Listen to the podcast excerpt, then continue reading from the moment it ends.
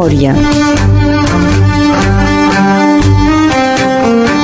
La nostra gent s'explica. Berenguer Ballester. Je suis le dauphin de la place Dauphine et la place Blanche à mauvaise mine. Les camions sont pleins de lait, les balayeurs sont pleins de balais. Il est 5 heures, Paris s'éveille. Paris s'éveille. Segona part de la memòria amb Manuela Parada, enregistrada a casa seua a Perpinyà. La cançó de Jacques Dutronc és ella que ha volgut que sonés en record dels anys passats a París, ho explicarà. A la primera part de la memòria ha parlat de la seva família, filla d'un gallec i d'una catalana, que es van casar a Barcelona el 1938, poc abans que acabés la guerra a l'estat espanyol. Fan la retirada als camps de concentració i la Manuela neix a l'Arieja. En 21 mesos, ella i sa mare, embarassada de la seva germana, tornen a Barcelona a casa dels avis, on viuran fins als seus 16 anys quan es retroben a Perpinyà amb el pare. És un canvi que no és fàcil, per les condicions d'allà on viuen, la manca de relacions, acabaran vivint al carrer Llúcia, al costat de la farmàcia de l'oncle. En Josep de l'oncle, quan veu que parla català, li demana de participar a un enregistrament per la processó de la sang. Treballa al carrer Paratilla, ven olives i després vendrà formatges. Mentrestant, estudia a l'escola d'Estenodactiló. Paris s'éveille. La tour Eiffel, la froid aux pieds, l'arc de triomphe est ranimé. Et l'obélisque est bien dressé entre la nuit et la journée. Il est 5 heures, Paris s'éveille.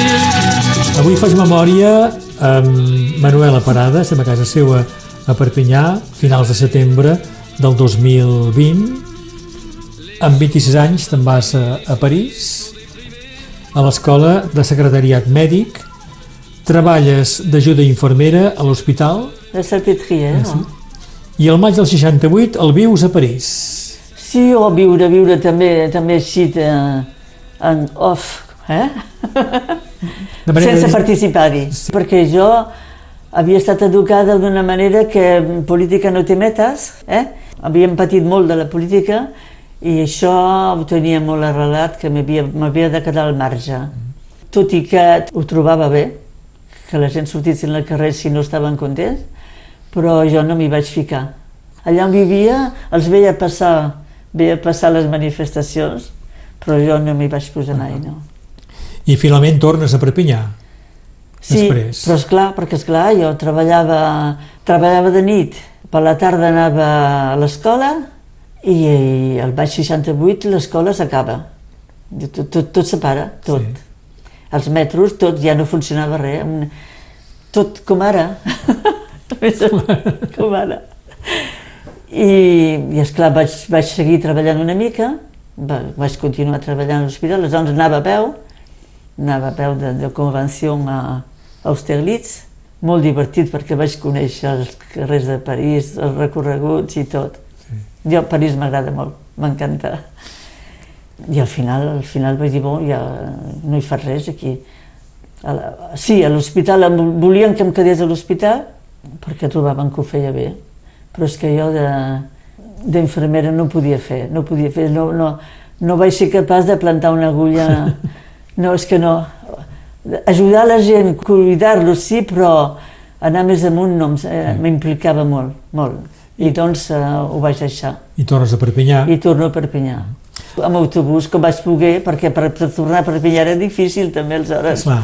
No hi havia res No, tampoc. no hi havia els trens No. que no funcionaven, No. eren en vaga. Hi havia autobusos Sí. i bon, havies de trobar un autobús per baixar, doncs tot, Sí. tot, no sé quant temps per baixar. De, Va ser una aventura per tu també, sí, això. per baixar de, de París a Perpinyà, ben difícil. I a Perpinyà fas diverses feines fins que entres al Banco de Bilbao, que obre una agència a Perpinyà. Mm, Hi havia 150 candidats i n'agafen 7. sí, Tu ets una... una de les set. I treballaràs 25 anys, fins que tanca el 94. I en aquests 25 anys passen coses, passen moltes coses. Per exemple, un dia del 79, escoltant la ràdio, Pa- 25 anys hi vaig fer carrera i un dia també eh, vaig dir que, que havia de, de fer una altra cosa. Una nit me'n vaig anar a ballar i vaig trobar el meu home. Doncs amb tot això em vaig, em vaig casar i vaig tenir un fill. I aleshores estava a casa, amb excedència, amb aquest fill, i escoltava la ràdio perquè sempre he estat molt de ràdio i el, hi havia una senyora que es deia Eva, Eva Ruggeri sí, i sento una cançó en català. Ai, mare de Déu, com pot ser això? Cançó en català a, a, a RFM, que ara ja, ara ja no l'escoltem aquí, ja no és res a Perpinyà. I aleshores vaig, de, vaig demanar amb un, amb un company de feina i li vaig dir, dic, mira, he escoltat, he sentit una cançó en català, però no sé qui és, però i, no me recordo quina cançó era. I ell me va dir, segons el que li vaig explicar, i diu, diu, mira, i ara hi ha dos cantants, hi ha el Joan Manel Serrat i el Lluís Llach. I segons el que em dius, deu ser Lluís Llach, perquè és molt poètic, és molt, molt suau i el Serrat no canta les mateixes coses. I així vaig descobrir el Llach. I que no m'ha deixat més. no saps pas quina cançó cantava aquell no, dia, no? no, no, no ho sé. Manuela, quan el Banco de Bilbao tanca, doncs penseu que ja ha treballat 25 anys, t'apuntes a a l'ANP, tens 53 anys, tens temps lliure i decideixes estudiar millor el català. Doncs clar, esclar, perquè el sabia parlar, escriure l'escrivia així de- d'haver llegit alguna mica i però no l'escrivia bé i em feia molta ràbia escriure, tenir família catalana, perquè la família era catalana, Sí. i escriure en castellà. Això em, feia molta ràbia. I em vaig posar, a, em vaig dir, no, ara, ara t'has de dedicar a aprendre el català, a escriure català com cal. I comences amb els cursos que fa la Palmira, Sí. la poeta, que feia poesies, la Palmira. Sí, Eh? Et compres el curs d'iniciació a la llengua catalana de Llec Valter, Mm. passes l'examen de primer nivell de català i acabaràs entrant eh, al col·lectiu de professors de català per adults. Sí, això més tard. Sí, sí, Sí, sí, clar. això més tard, eh? Sí, El 1997, tens 56 anys, estàs a l'atur i passes el diploma d'accés als estudis universitaris perquè vols entrar a la Universitat de Perpinyà. sí, Primer t'inscrius en Sociologia, però de seguida veus que, que no. que no és per tu, això. No, m'havia equivocat. Només havia vist el socio, em pensava que era social, Sí. Ah. i no, no, te, no tenia res a veure. I eh, et trobes amb Pasqual Tirac, que presenta l'opció català, Sí, i finalment t'hi apuntes. Eh? I també t'apuntaràs a les classes de literatura francesa de l'edat mitjana que dona Jacint Carrera. molt interessant. I per consolidar la llengua vas als cursos que Odeta Carbonell dona al Consell General pels funcionaris del Consell General. Sí, Però tu hi entres així, així, clandestina. clan- una altra clandestinitat. Sí, I l'any 2000, doncs tens 59 anys, obtens la llicenciatura i poc després eh, organitzaràs un taller d'iniciació a la cultura i a la llengua catalana a l'associació ABF, Accueil de Vila Francesa. sí. Mm. És a dir, que el teu procés d'aprenentatge de la llengua és totalment reeixit, perquè Ara- acabes fent de professora. Sí, sí, sí, sí, no, doncs clar, aleshores ja, és que eh, vaig anar, doncs clar, per socialitzar-me, per dir, per sortir de casa, no?, dic, alguna cosa has de fer, m'apunto a l'associació ABF, Accueil de Vila Francesa, aquí, al País Català, i veig que no hi ha cursets de català, que no hi ha res de català. I doncs, eh, doncs i bon, vaig, vaig proposar d'obrir una, un taller de català. I va funcionar. Uf, fantàstic. Jo, primer, jo i vaig, el primer dia només havia fet cinc còpies, per, per, per començar, sí. perquè no, sabia, no ho havia fet mai, però no, no volia fer curs de català per ajudar-los a passar un diploma, jo volia fer una iniciació, una, una descoberta del país i de la llengua, sobretot, de saber que aquí érem un país català. I aleshores ho havia muntat així. I havia preparat cinc còpies i, i vam haver 15 el primer dia. I ja no sabíem posar-los, perquè ens havien, m'havien donat una habitació molt petita. Bon, estàvem drets, estaven com podien el primer dia. I després ja per la segona m'ha dit, no, jo vaig dir, m'han de donar una aula més gran. I va ser molt divertit, em va agradar molt. Vaig conèixer gent molt bona, molt simpàtica, gent, gent de, que venien de fora, que s'interessaven, perquè curiosament hi ha molta gent de fora que s'interessa a la cultura catalana. Molts no, molts arriben així de... Sí que, que s'instal·len i que no volen saber res, però d'altres s'hi arriben i, i volen saber quin país eh, viuen i, i s'interessaven molt. Però també també hi havia tot una, un grupet de gent, de gent del país, de gent del país que volien recuperar la llengua. I aquesta gent, eh, molts d'aquells, a més, que em fa contenta, van al casal, van als grups, a les trobades del Serrem de l'Odeta, que fa encara ara. El casal, sí. I molts han, han estat amb mi, aleshores van començar, van, van començar amb tu, mi. Sí. Serenament quan ve l'onada acaba i potser en el deixar-se vèncer comença la platja enamorada no sap l'espera llarga i obre els braços no fos cas. L'onada avui volgués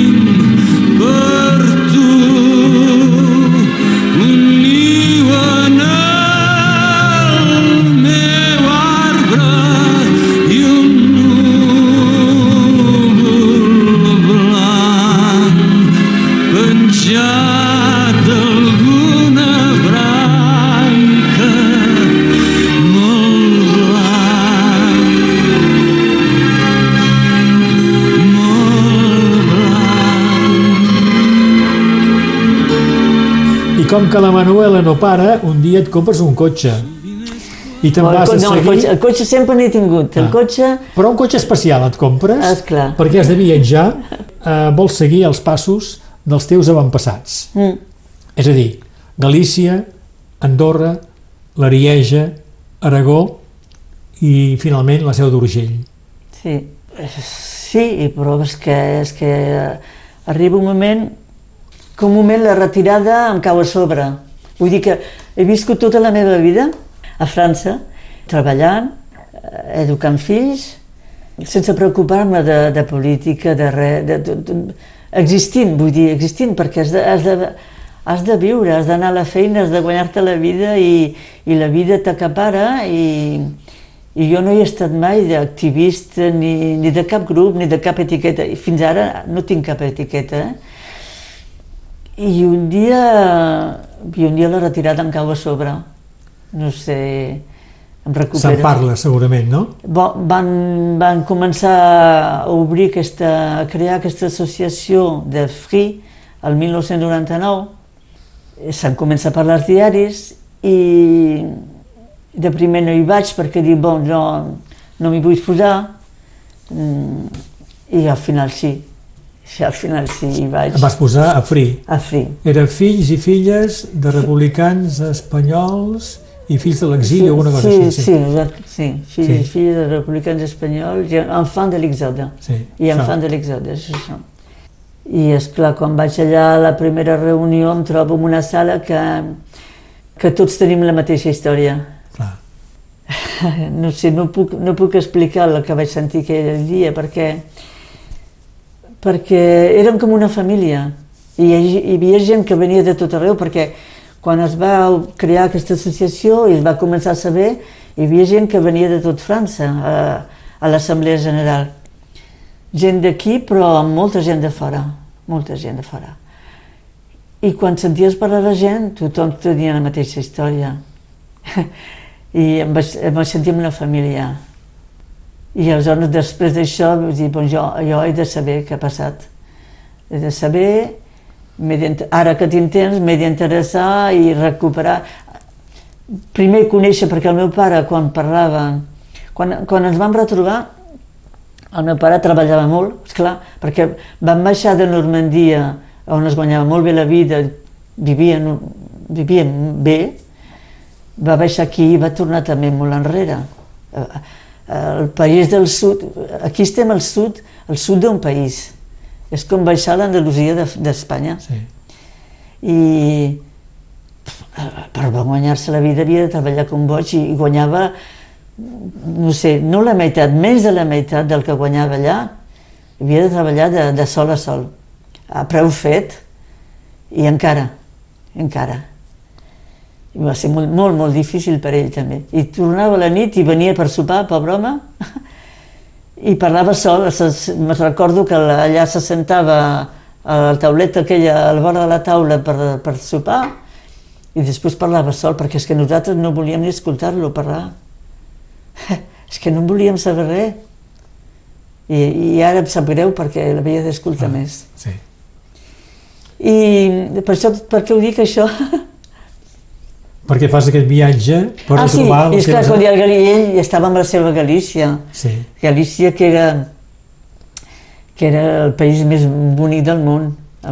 Estava amb la seva Galícia i, i després, esclar, vaig voler anar a conèixer el país del meu pare, Galícia. Vas anar a Galícia. Que no, que no hi havia, que esclar, no sabia, ni la família gallega ens havíem perdut de vista, només teníem relació amb una neboda que sabia, corresponia amb la meva mare, teníem una relació amb ella, o dues, i amb una altra neboda que ella havia anat a treballar a Londres, perquè la gent també allà sortien molt per anar a treballar, molts cap a Anglaterra, molts cap a Amèrica també, i, però poc, però no, coneix, no sabíem res. I doncs sí, vaig agafar el cotxe per anar a Galícia. Però primer, esclar, primer vaig començar per Galícia perquè era el més, lluny i que, esclar, no sabia fins a quan tindria corda, perquè jo ja, ja començava a fer-me gran i no sabia, no sabia fins al temps que tindria. I vaig començar pel més lluny. I bon, Galícia, esclar, m'hi vaig trobar a casa meva també. Al, al cap de dos o tres dies els entenia parlar gallec Bon, allà van passar moltes coses, però molt, Galícia és molt bonic, sí. Galícia és fantàstica, és la Bretanya, és la Bretanya espanyola. Tenia raó el teu pare, doncs. Sí, sí, i tant. I, és un país molt bonic. Vas a Andorra després, a l'Arieja... Després, després, esclar, després em falta seguir els passos, els passos que van fer ells. I doncs començo per uh, això, començo per l'Andorra. I és que i a, a, a mida que anava avançant se m'obrien les portes, saps? Semblava que ho havia, havia de fer perquè trobava el que havia, volia trobar.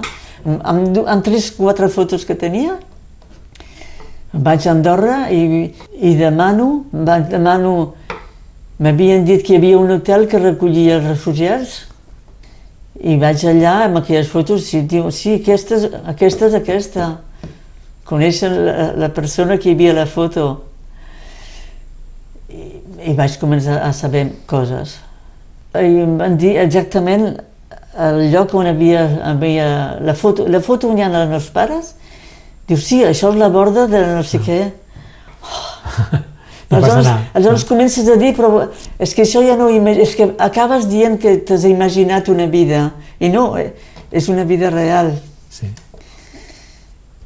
I aleshores baix, baixo, baixo cap a l'Arieja. Mm. Vas néixer a l'Arieja el, el, sí. I aquí què hi trobes a l'Arieja? Doncs, els, Allà on vas primer, viure? Primer, primer, primer m'aturo a l'Hospitalet. Clar, l'Hospitalet resulta que era mm, el primer poble que trobaven baixant i era un poble de, que hi havia molt pas, molt pas. I allà em van dir, diu, aquí hi ha passat molta gent, però tot es va cremar. Precisament perquè no se sàpigui quina gent va passar per allà, no havien guardat cap registre de res. A l'Hospitalet no vaig trobar res. Doncs segueixo cap al meu poble, a Ussat, Ussat Ribe, que és una estació balneària. I allà sí, l'Ajuntament. L'Ajuntament, eh, sí, van, van trobar la, el meu acte de, de naixença. Allà no saben res, perquè, esclar, a l'Ajuntament ara hi ha gent jove, passat temps, Sí. no saben res, però diuen, encara hi ha alguna persona... I doncs vaig anar a veure la persona que em van dir que, que no havia deixat el poble. I em va explicar que sí, que hi havia... A vora la carretera, ho sap, hi havia un, uns hotels que acollien la gent, els refugiats que venien. I jo vaig néixer en un hotel allà a vora la carretera.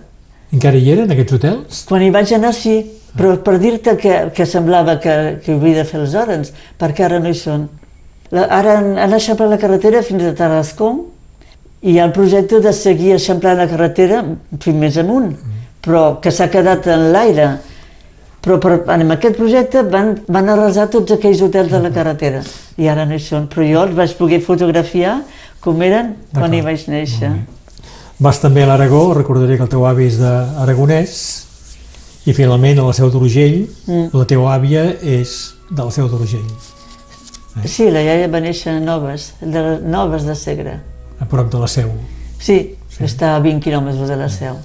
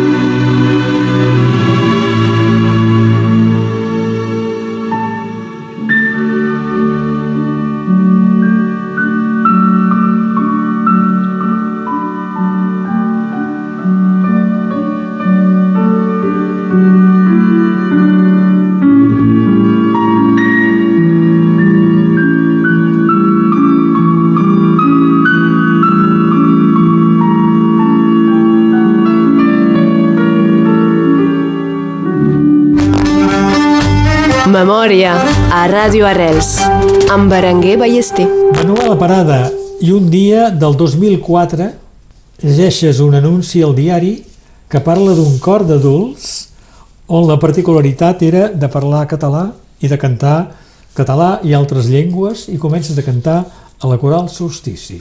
Ah, això mateix, això, això, això va ser un altre, un altre regal de la vida. És que m'han passat coses molt boniques. Què t'hi vas trobar el primer dia? Mira, el primer dia vaig allà molt, molt, molt eh, de puntetes. Encara aquí al barri Sant Mateu, al A centre Sant Mateu, cultural. sí, al centre... No, no, no, No, no, ja estàvem aquí al, al, al peu de, la, de les muralles, allà amb la, Sí. a l'Ajuntament, amb Sí. una sala de Sí, l'Ajuntament. és veritat. una sala petitona Sí. i vaig de puntetes també perquè, perquè no sabia eh, i, i em trobo amb gent que parla en català amb gent que parla en català com jo i que i molt, molt planera, gent molt senzilla. Bon, bé, sí, sí, m'acullen, m'acullen d'una manera com si fos de casa. I des del primer dia m'hi vaig sentir bé. Sí, Molt bé. molt bé. I tu ja hi eres també, eh? Sí. I a més, i a més ara, ara ho puc dir, el Berenguer Ballester, que jo escoltava a la ràdio, aquesta veu, aquesta veu, aquesta veu màgica, i trobo l'home que té aquesta veu.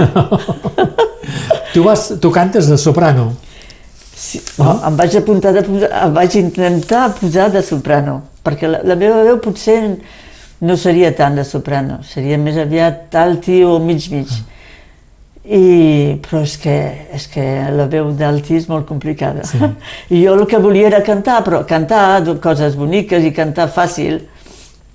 I no era tan fàcil, No, solstici. perquè el director, Francesc Belloc, és exigent. Exactament. Em vaig trobar amb un director que en sap molt sí. i que, i que no, no, era, no era allò de bufar i fent polles, Cantem a quatre veus, que Que no no. sempre és fàcil, això, eh? que no és fàcil i que és que jo bo, hi vaig anar, bon, cantaràs, cantarà cançonetes d'aquestes que cantava de iaia i que, que coneix que sabia, però és clar, quan me porten la partitura ja no són aquelles cançons que jo sabia, és, jo les sabia de- així d'haver-les escoltat, sí. segurament, i he d'aprendre, però, i- però sobretot la segona veu és molt difícil. Sí. És una veu fantàstica, que és el que porta tot, i, i no, jo, jo volia tralala, tralala. jo, jo volia la melodia. I és clar, aleshores, a poc a poc em vaig, em vaig infiltrar en els sopranos. Entre els sopranos. Sí. D'acord.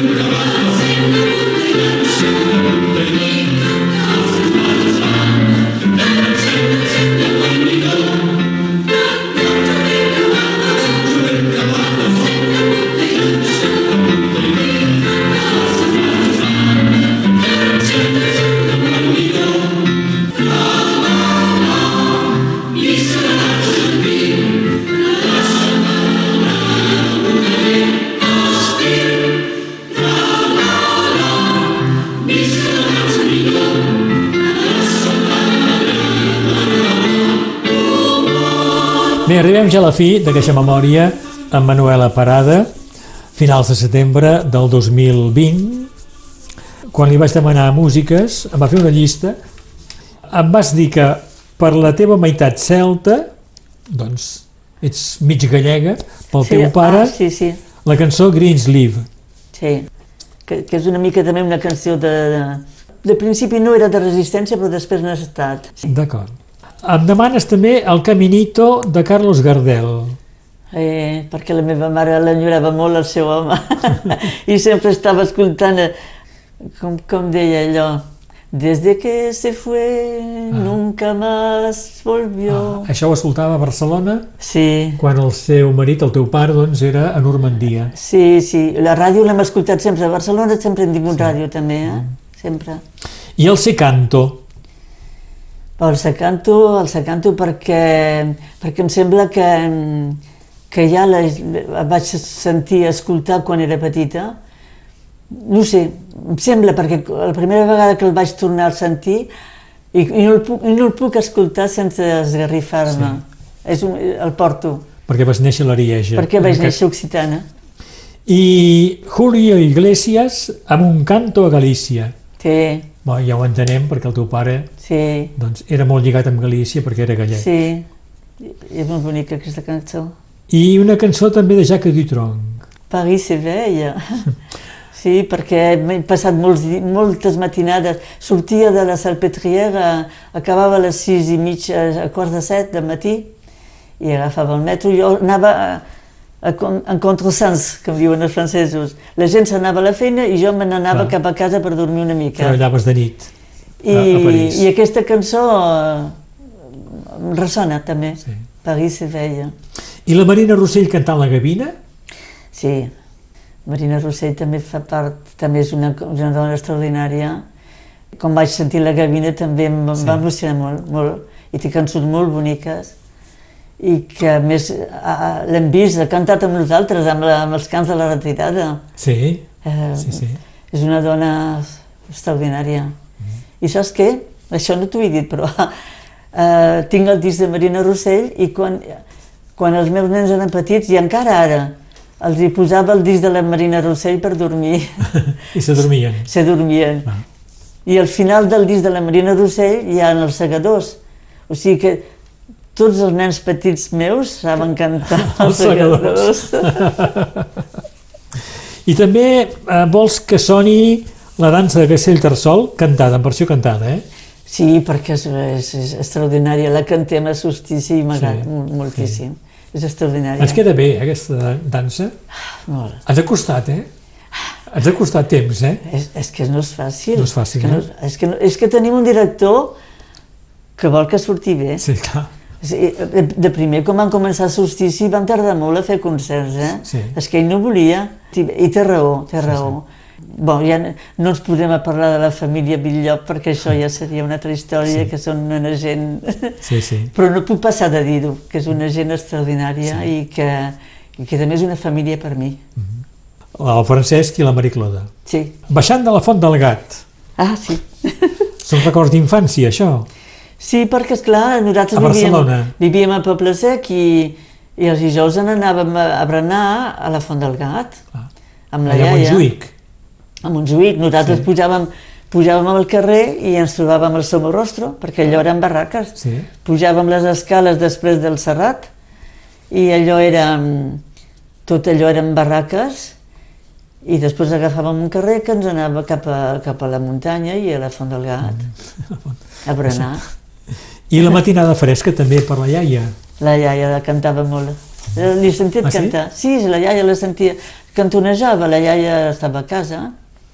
Estava molt a casa, eh? Nosaltres anàvem del col·le a casa. I de casa al col·le. Sí. I la iaia la cantava la matinada fresca. M'has demanat també el núvol blanc de Lluís Llach. Mm. Sí, I m'has dit en record de tots els que m'han deixat. sí. És, és extraordinària la cançó aquesta. És extraordinària i, i fa poc he perdut una, la, la millor amiga que tenia i, i ma- la meva cosina i m'agrada i m'agrada saber que estan amb un núvol blanc allà dalt. I Beethoven, per què? Ah, Beethoven, mira, perquè el, també el porto amb mi, no sé per què. Em sembla que, que ja a Barcelona ja l'escoltàvem, a la ràdio, que ja feia els deures... És que fèiem els deures escoltant la ràdio, escoltant músicos. I, i, Ah. i després, um, quan vaig treballar a Salpêtrière, em vaig fer amiga amb una infermera, molt instruïda, i ella amb Beethoven vam parlar molt i vam escoltar molt Beethoven, em va, em va inculcar molt Beethoven, el vaig conèixer i sobretot aquest, aquest adagio del concerto número 100 és fantàstic, és una cosa que és universal. Sí.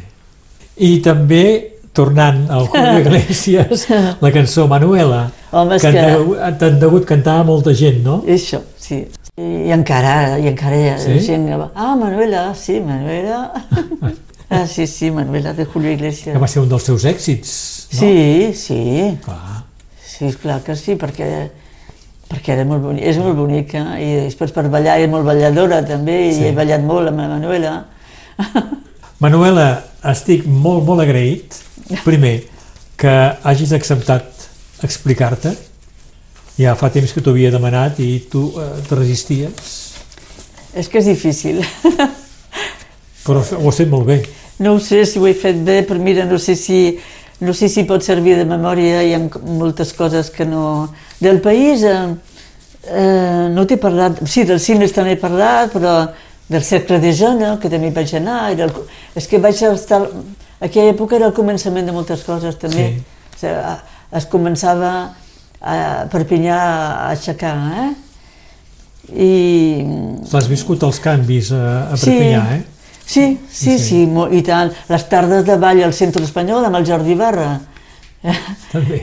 A, a la lotja, també sota la, a, sota la, la llotja, en subsol hi havia una discoteca que es deia la lotja i que anàvem a ballar amb el Jordi Barra. D'acord. I, eh, Eh, amb el Jorge Barra. George Barra, sí. això mateix, George Barra i el seu, eh, era un trio, em sembla, no? Sí, perquè veig un, un contrabaix, un piano, el contrabaix, el piano i ell que cantava. Ah, Sí, I es, que ens feia ballar. sí. Sí, sí, això, tot això, pues, el parlar, el parlar de la gent d'aquí, que era, parlaven melanjau, Sí, sí, aquests sí. espanyols, pobrets que havien fet com podien per aprendre francès, i doncs feien una barreja, però és que ja no es podies fer parlar castellà.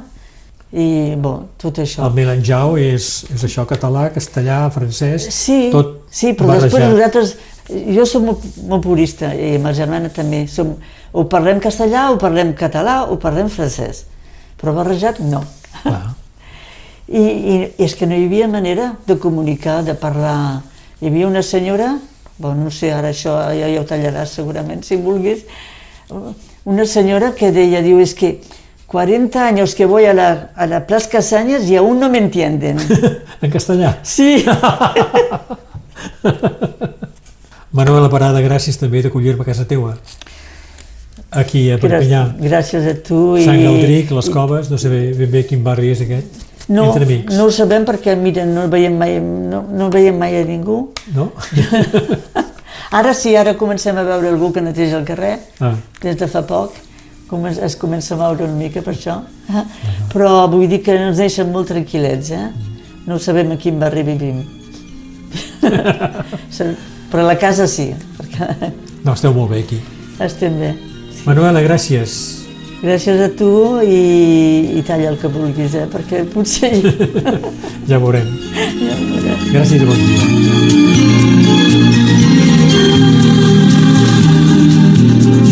Como noche, como sueño, son los ojos negros